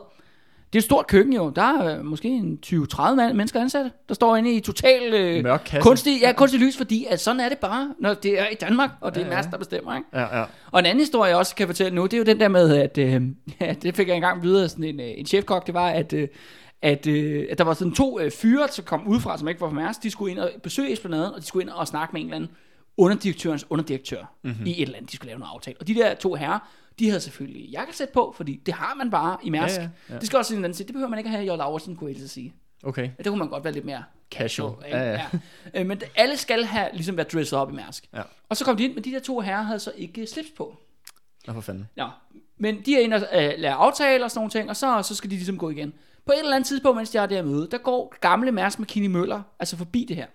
Hvor efter Altså, du går, mener unge Mærsk? ja, unge Mærsk. Ja. ja. nu er han så blevet til gamle Mærsk, Ja. kan man sige. Øh, fordi det, er- det er noget, der skete måske for... Ja, det er jo, han døde i 2012, ikke? så det er jo snart 10 år siden. Ikke? Mm. Ja. Øh, øh, øh, han, da han ligesom har set dem der, havde det der møde, så gået direkte op på sit kontor, ringet ned til vagten, og det skal jo siges, at hvis man nogensinde har stået ude for en esplanade, det er jo en fucking festning. Jeg tror ikke jeg ved, hvor det ligger henne. Jamen, det, det ligger, øh, ja, det ligger midt af København. Nå, Det okay. ligger lige ved Amalienborg og alt muligt andet. Ved du hvad, jeg skal nok vise dig det. Ja, det må vi se på en dag. Ja, ja, men der står jo vagter ude foran og sådan nogle ting. Det Ja, ja, ligner jo, altså det er sådan et stort område med græs foran, hvor der står privat, du må ikke være her, og sådan noget, står der vagter og bare glor på en, når man går forbi. Ikke? okay. Og så ringer jeg ned til der vagt, vag- vagtselskab der, og så siger bare sådan, der render, så siger gamle Mads, så siger han så, der render to nøgne mænd rundt i bygningen. Okay. Hvor efter at det der øh, vagtkorps går jo selvfølgelig fuldstændig bananas, ikke? Du ved, øh, nærmest øh, tårgasgranater og, du ved, og ildvåben ude og lede efter to nøgne mænd. Men de kan selvfølgelig ikke finde to nøgne mænd, fordi alle har selvfølgelig tøj på i den der bygning. Det det handler om, at de øh, handlede om, at de ikke øh, havde slips på. Ja, ja.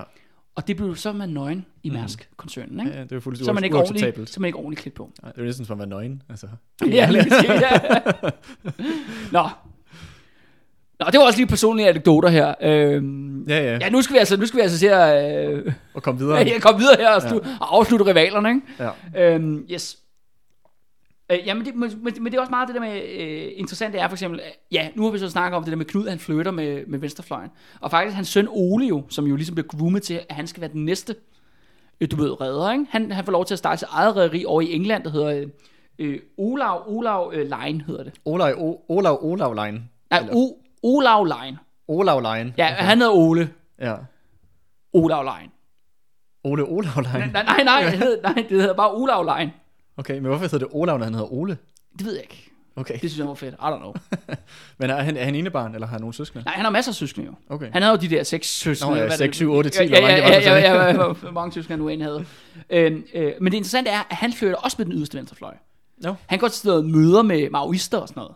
Okay. I 1970'erne, ikke? Ja. Du ved, så kom, dukker han op i sådan en Rolls Royce til sådan et... Øh, Maoismøde om, Maoismøde øh, på Nørrebro, skal vi, øh, skal vi have noget byggerilla? Og, ja, ja, lige præcis.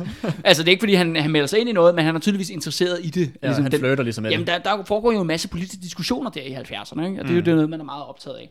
Og det kan man så sige, hvor at de virkelig, øh, Jarl Lausen, de om man så må sige, bliver meget opslugt af alt det, der sker i 1970'erne, rent sådan politisk, så går tiden jo i stå i Mærsk, Mm. omkring et eller andet sted, omkring i 1950.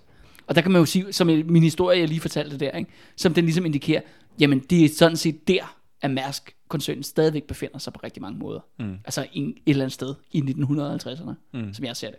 I hvert fald når de kommer til deres øh, ja, Kultur, ja, medarbejderkultur, ikke? En hver idiot kan være alvorlig. Men det kræver talent og begavelse at være morsom. I 1974, der, øh, der dør Ivar. Altså den grå eminence. Han, øh, ja, han dør simpelthen af alderdom. Øh, og, det, også, og Knud er selvfølgelig kommet også voldsomt op i årene. Øh, og der stiller selvfølgelig spørgsmålet er, nu har man jo i Mærsk formået jo at lave en smooth, kan man så må sige, transition mm-hmm. imellem generationerne. Øh, Mærsk McKinney Møller er bare gået ind og overtaget gamle Møllers plads. Der er ikke så meget der. Øh, men i J. Laursen-koncernen, der begynder der lige at opstå en masse ballade. Fordi at Ivar, han har en søn, en hans ældste søn, der hedder Jørgen Lauritsen. Øh, og, og så er der så Knuds ældste søn, der hedder Ole Lauritsen. Mm. De begge to er, ligesom, ligesom Ivar og Knud i tidens morgen, er blevet sendt til England, starter deres eget rædderier. Du de får nogle penge med hjemmefra, og så Ja, ja. okay, du ved, lær, lær hen ad vejen, ikke? Mm. Bliver groomet, det er den samme proces, og så skal ligesom tilbage jo, og på et eller andet tidspunkt at overtage J. Lauritsen-koncernen. Hvad hed øh, Ivars søn, sagde du? Han hed Jørgen Lauritsen. Jørgen, okay. Ja. Men det der sker er, at i den her bestyrelse jo, som er J. Lauritsen koncerns bestyrelse, der er det jo Knud, der er formand. Og Knud, han er jo øh, enevældig. Mm. Det er jo ham, der... Øh, altså, jo, der er nogle andre, der har nogle stemmer og sådan nogle ting, men det er Knud, der bestemmer det hele, ikke? Mm. Og Knud, han nærer en stor uvilje imod Jørgen. Han mener simpelthen ikke, at han er egnet til at kunne lede J. Lauritsen. Mm. På trods af, at Jørgen er den naturlige efterfølger. Altså hvis vi i hvert fald skal gå på alder. Ja, ja. Du ved, han er ældste søn af den ældste bror, Ja, ja. Ivar. ja. Hvis det var en øh, royal familie, så var det Ja, ham, så ville det helt klart været ham. Ja. Øh, øh, men det skal siges, at øh, Knud er rigtig tæt med sin egen søn, øh, Ole.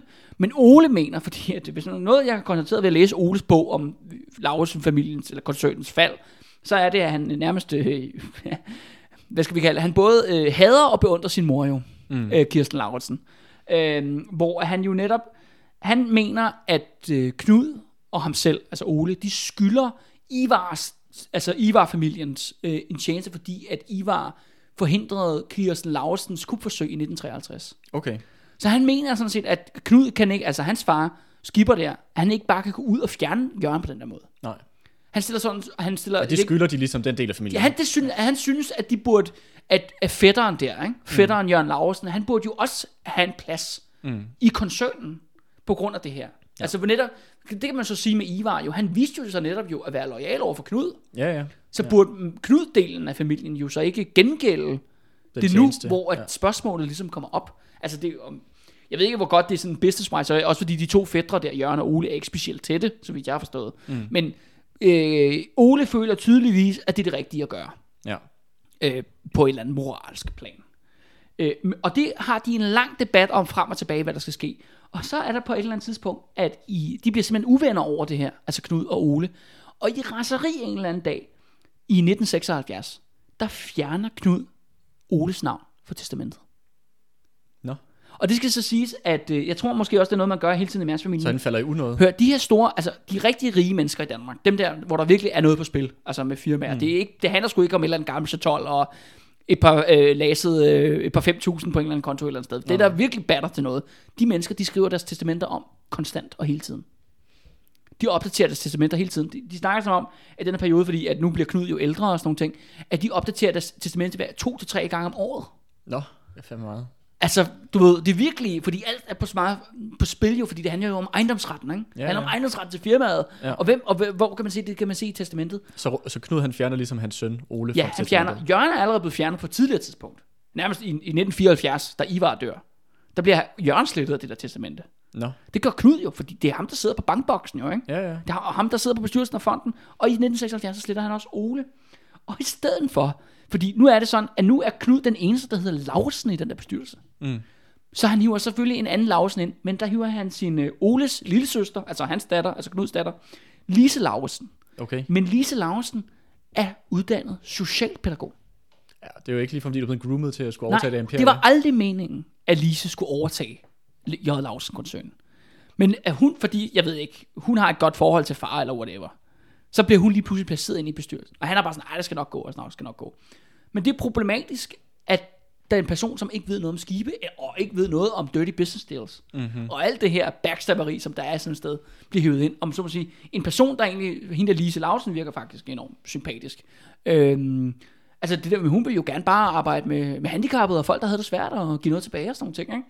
Men lige fordi familien ligesom kalder på hende, jamen, så bliver hun nødt til at træde ind i J. Lauritsen Fondens bestyrelse. Mm. Øh, og det kan man sige, den her uholdbare situation, den fortsætter, og alle bare sådan, og kan vide, hvornår Knud han dør. Og Knud han dør på den mest spektakulære måde, du kan forestille dig, Andreas. Øh, det er sådan, at det er i øh, 6. maj øh, 1978, der er det sådan, at øh, Laursen, øh, øh, øh, ja, firmaet, har lige købt en ny færge. De er i gang med at gå ind i sådan noget færgefart med at sejle du ved, turister frem og tilbage. Det er også en ting, der bliver større og større jo. Ja, så, sådan noget, øh, ja, sådan noget turisme, ikke? krydstogt Ja, det tænker ja, jeg. ja, men det er mere, det er færge fra, øh, med, mellem Danmark og England og sådan. Nå, okay. Ja. Ja. Øh, hvor at, øh, øh, ja, hvor at, øh, ja, han, han, de går ind i det, og de har fået bygget et nyt skib, øh, som de bygger over på et rederi, fordi at BRV jo er jo ødelagt. ja, ja, fucked up, ja. så det bliver nødt til at blive bygget i England, det her skib. Øh, og der er det sådan, at, øh, at Knud, han, øh, han, gør, han holder en kæmpe fest, øh, også for ligesom at fejre J. Lausen, det er sådan en medarbejderfest, hvor der er 260 gæster, hvor at øh, Knud, han går rundt og, øh, øh, og, du ved, og, og fotograferer faktisk. Nå. Du ved, han er sådan, øh, han er jo mand af folket, eller hvad man siger, ikke? Han går Ja. rundt blandt gæsterne og fotograferer. Og så lige pludselig, så falder han død om til den her fest. Får de hjertestop, For, eller hvad? for, ja, foran øh, 260 mennesker. Hold da op. Øh, og, bliver simpelthen, og så, bliver, så ender det så med, at, du ved, at det skibet, ja, det skal så, du ved, der bliver et sted med, at de lukker helt ned for nyheden. Altså, der kommer ikke nogen nyheder ud af skibet om, at Knud er død, og de sejler til øh, Korsør, og så tilfældigvis, da de kommer til Korsør, der er lokale fiskere i Korsør, de er sådan i strejke, okay. hvor de har spærret havnen af. Men så fortæller kaptajnen ombord på det her skib sådan, jamen altså, det er jo, det er jo Knud jo, der skal, øh, der skal begraves. Og så siger fiskeren, okay, lad ham, lad ham komme igennem. Nå. Fordi det er jo Knud jo for modstandsbevægelsen. Ja, ja. ja Og, du, ja, ved, og der er jo mange fiskere, der har været involveret i det også, og sådan nogle Okay, ting, ikke? ja. Så, de ligesom, så der bliver sådan, alle de der strækkende fiskere, de holder sådan æresvagt, det der J. Lausens øh, færgeskib, det kommer sejlende ind i Korsør, ikke? Nå. Og så er de så fået transporteret livet til København. Øhm, men så har vi sandelig også katastrofen. Fordi så bliver bankboksen jo åbnet, og hvem står på testamentet? Jamen, der, står, Lise. der står kun Lise jo. Ja. Et andet kæmpe problem er, at J. Lausen har netop på grund af, at de opkøbte DFDS, der har de haft en masse udgifter med, at de skulle modernisere de der gamle DFDS-skibe. Hvor at så Knud faktisk øh, har lånt under hånden, altså sådan semi-ulovligt, ikke?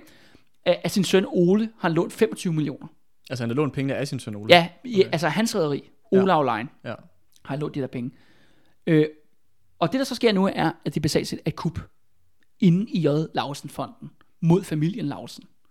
Alle de der andre underdirektører, mm. du ved, dem der Knud alle som er udpeget ikke, igennem tiden, Som ikke hedder Lauritsen. som ikke hedder Lausen, som, du ved, som sidder i forskellige afdelinger. Der er en, du ved, der er en, der er formand for Atlas, ikke? der er en, der er formand for Rederiet, ja. og bla bla bla, ikke? Øh, og så videre, så videre. De rotter sig alle sammen sammen mod Lausen-familien. Mod Lise. Ja, men Lise sidder stadigvæk i bestyrelsen, for det der Knud besluttet, men hun kan simpelthen ikke i den der magtkamp, som der minorerer. Hun er slet ikke, kan man sige, hun er jo ikke kvalificeret til det, hun er ikke forberedt på det her. Mm. Og det betyder, at Ole og Jørgen, de får ikke en chance for at komme ind i den her bestyrelse. Og de den her gruppe af underdirektører, de tager magten i J. Og er stadigvæk dem, der har magten Okay. den dag i dag. Selvfølgelig med nogle andre navne. Der har selvfølgelig været udskiftninger siden da. Ja, ja, ja. Men det, der basalt set er, at den her bestyrelse øh, er, udover at de er i konstant i magtkamp mellem hinanden, de forskellige grene, øh, hvem, hvem er det, der er top dog? Mm, det var den dominerende fraktion. Ja, ja, dominerende fraktion inden i fonden. Det andet er jo så også, at de begynder, begynder at kaste sig ud i en række dårlige businessbeslutninger. Især når vi kommer ind i 1980'erne. Og det vil sige, at J. Lauritsen skrumper og skrumper og skrumper. Du ved, Atlas solgt fra, øh, frugtfarten mister de, færgerne går dårligt osv. osv. Til nu om, øh, nu om stunder, hvor J. Lauritsen er jo kastet helt ned på en, en 14. plads over danske, øh, danske rædderier. Ja, der er fandme langt fra tændingerne. Der er langt fra tændingerne. Ja. Og mens det her sker jo, det er jo her, at i 1980'erne, at Mærsk tager rigtig fart. Mm. Fordi det er jo her, at olien, oliepengene begynder at bulre ind i Mærsks øh, kasser. Ikke? Mm. Og der kan man så sige, der har man McKinney, han kan, han kan, han kan sidde over på esplanaden med et smil om munden og bare se, hvordan det der Lauritsen skib bare går ned i flammer. Mm. Du ved, hele det der, og det, og det er jo egentlig det, der slutter rivalerne. Familierne findes jo stadigvæk. Mærs-familien lever i bedste velgående. J. Lausen-familien lever også stadigvæk. Men der er jo ikke en konkurrence mere. Nej, de har mistet selskabet. De har mistet selskabet. Ja. Øh, og, det, og det gør jo også det der med, at, J. Lauritsen, som da vi startede serien, så spurgte jeg, om du nogensinde havde hørt om det, og det havde du sjovt nok ikke. Nej, nej. Øh, og det er fordi, at de er ja, et mellemfirma den mm. dag i dag. Altså, og det er også det med, at de har også mistet deres gamle hovedkontor, der hvor jeg var ude og arbejde. Det lå øh, inde på Sankt Annes plads, og nu deler de en eller anden grim, moderne kontorbygning med fire-fem andre firmaer ude i Tuborg Havn. Ja. Og Mærsk ligger som dødstjernen Ja, ja, ja. inde i midten af København ved siden af kongehuset. Ikke? Mm. Så du har lige nu en situation, hvor Ole og Jørgen, der ellers var de to, der var, der var ligesom groomet til, at de skulle tage over virksomheden, de har ikke endt med noget. De er endt med ingenting. Ja. Snip, snap, snude. Nu er den historie ude.